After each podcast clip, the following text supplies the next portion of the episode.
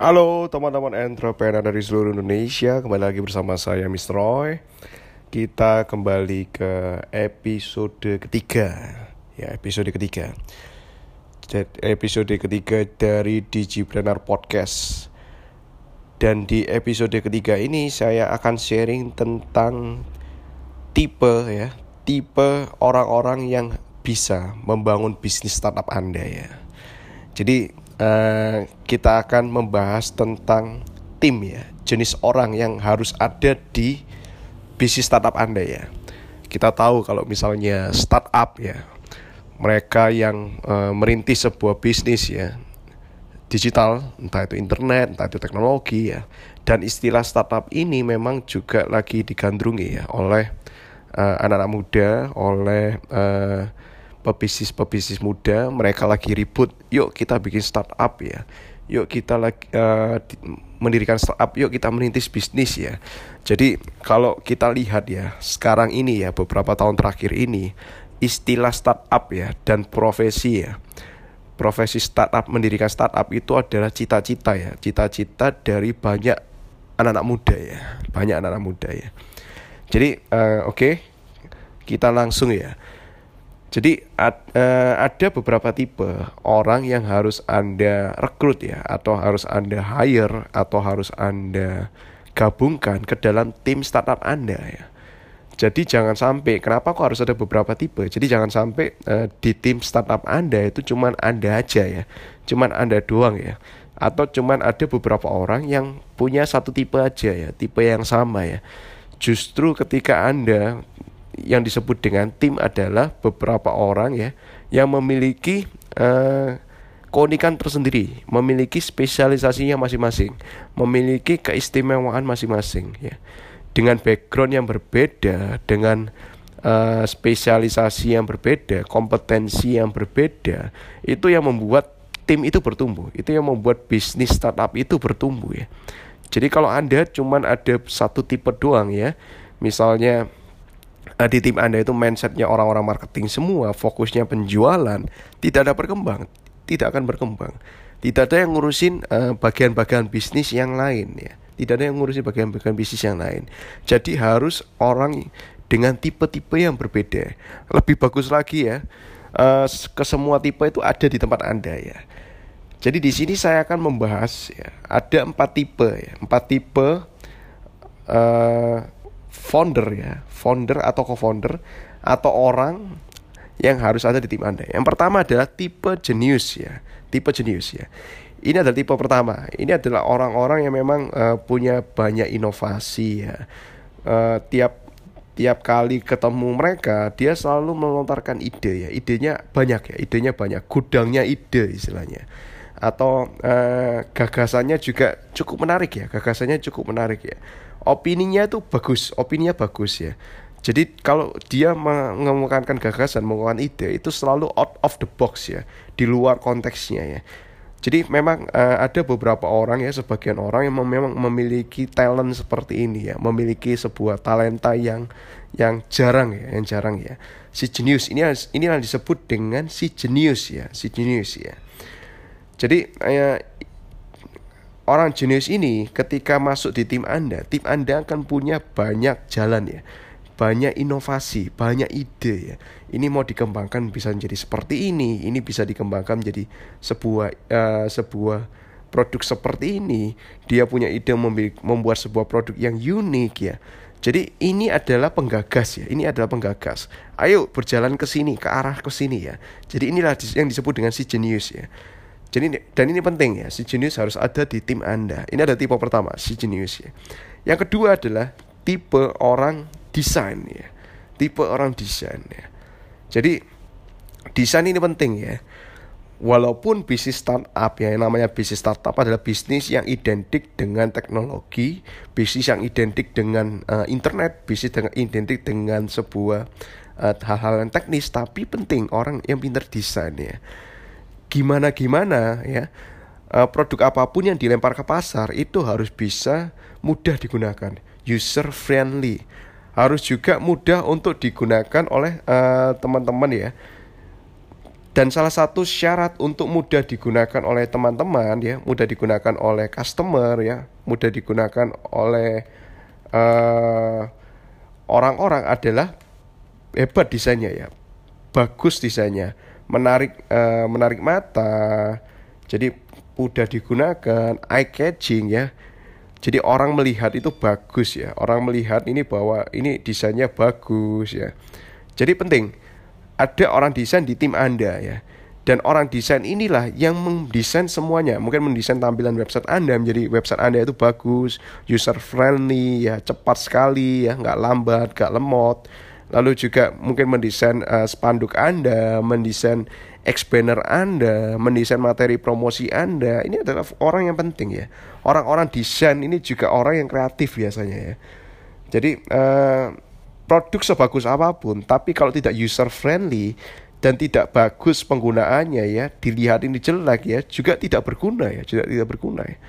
Anda harus menciptakan produk yang bagus plus juga desainnya menarik ya. Jadi orang itu senang, happy menggunakannya. Jadi ketika Anda menggunakan uh, meng-hire seorang uh, seorang desainer di tim Anda, Anda harus cari ya, memang benar-benar backgroundnya kompeten ya. Dia memang benar-benar se uh, menjadi seorang yang kompeten di bidang desain ya kompeten di bidang uh, bisnis di bidang bisnisnya ya jadi bukan berarti orang anda meng-hire ya karena Anda butuh seorang desainer Anda meng-hire terserah semua orang yang bisa desain ya. Jangan jangan seperti itu. Anda harus sesuaikan ya sesuaikan dan kompetensinya ya. Misalnya ya lulusan uh, desainer grafis dia memang lulusan desainer grafis atau dia sudah bekerja beberapa tahun di uh, di sebuah uh, perusahaan periklanan atau perusahaan grafis atau dia di perusahaan itu bergerak di bidang sebagai uh, graphic designer. Jadi udah punya kompetensi, udah punya pengalaman. Jangan hire seseorang dari nol ya, jangan hire seseorang dari nol. Atau orang marketing yang nggak tahu desain Anda jadikan desainer ya, desainer kepepet istilahnya. Jangan. Nah, nanti ya nanti materi desain anda akan nggak bagus ya coba-coba ya nggak bagus kelihatan seperti amatiran dan itu kita kita tentunya kita nggak mau ya ada orang yang uh, orang amatiran di tim kita ya. Itu nggak bagus buat bisnis startup anda juga nggak bagus buat yang lain. Dan orang ketiga adalah seorang engineering ya. Nah ini adalah programmer.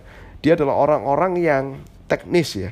Inilah orang-orang yang benar-benar membuat sistem di bisnis anda membuat sebuah produk ya. Inilah orang-orang yang mengurusi hal-hal teknis di bis Anda, mengurusi hal-hal permesinan ya, mengurusi hal-hal uh, hal-hal misalnya dia yang menguasai eh, bahasa-bahasa pemrograman ya, bahasa-bahasa Java. Kalau dia bikin uh, website, dia yang ngurus back endnya ya, gimana dia dia ya dia juga mengatur gimana supaya produk Anda itu bisa cepat digunakan ya. Dia juga ngurusi bug-bugnya juga ya. Error-error di mana dia juga yang ngurusin. Ini adalah orang-orang yang pandai memang di bidangnya. Ini adalah orang-orang IT yang memang lulusan IT memang lulusan programming ya bahasa teknis lulusan komputer nah jelas kita kalau membuat sebuah bisnis startup bisnis internet ya jelas harus ada orang yang orang engineering Anda harus meng-hire ya programmer Anda harus meng-hire engineering Anda supaya memastikan bahwa uh, produk Anda benar-benar bagus ya, berkualitas.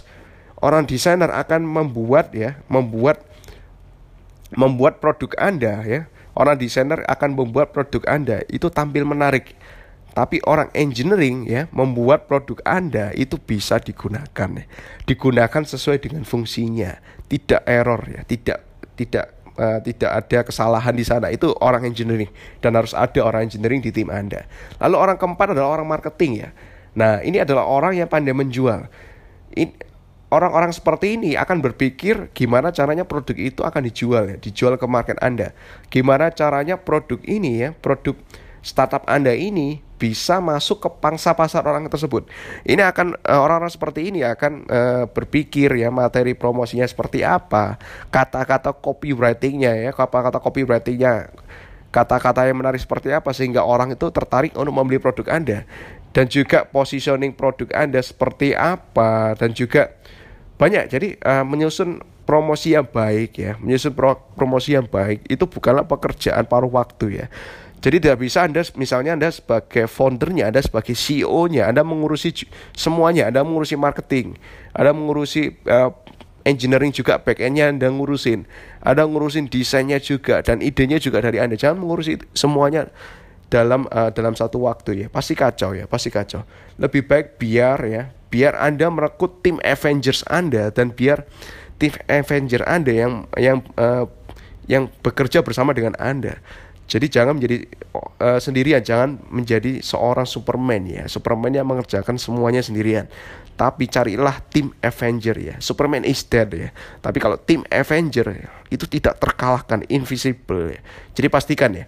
Jadi kalau kita, kalau saya misalnya mengambil kesimpulan ya, uh, tim marketing ini yang memastikan bahwa bis Anda itu untung ya mendapatkan sales, mendapatkan penjualan ya, mendapatkan profit. Jadi penting ya tim manage, uh, tim marketing di tim Anda itu penting. Orang-orang yang memang berjiwa marketing, sukanya jualan itu penting di tim Anda. Jadi kalau saya ambil kesimpulan ya, si jenius ya, orang-orang yang jenius itu menggagas, ayo kita bikin produk ini.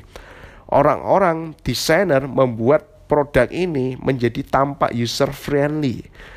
Tapi hanya orang-orang programmer ya, orang-orang teknis yang membuat produk Anda benar-benar bisa dipakai, benar-benar sesuai dengan fungsinya, benar-benar sesuai dengan tujuannya, tidak tidak error ya, tidak error. Dan orang-orang marketing yang membuat produk Anda bisa dijual ke pasar sehingga Anda profit, sehingga Anda sell, sehingga bis Anda langgam bis startup Anda sehingga terus berkembang, terus berkembang. Saya harap uh, tips saya kali ini mendapatkan uh, manfaat dari Anda dan mendapatkan manfaat dari podcast saya kali ini ya. Nantikan juga podcast saya selanjutnya dengan topik-topik yang menarik. Anda juga bisa uh, memberikan komentar ya, memberikan komentar ke saya.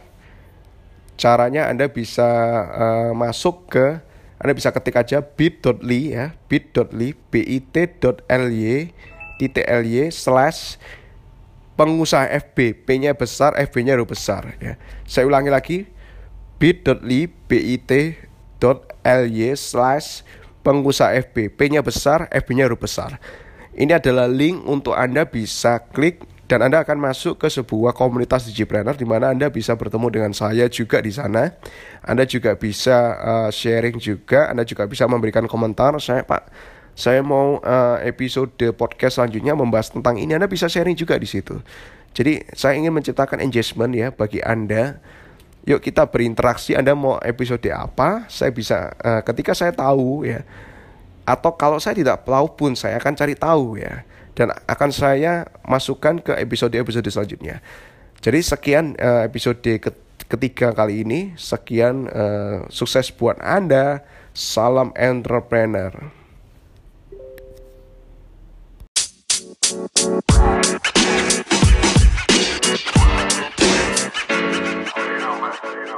on, man.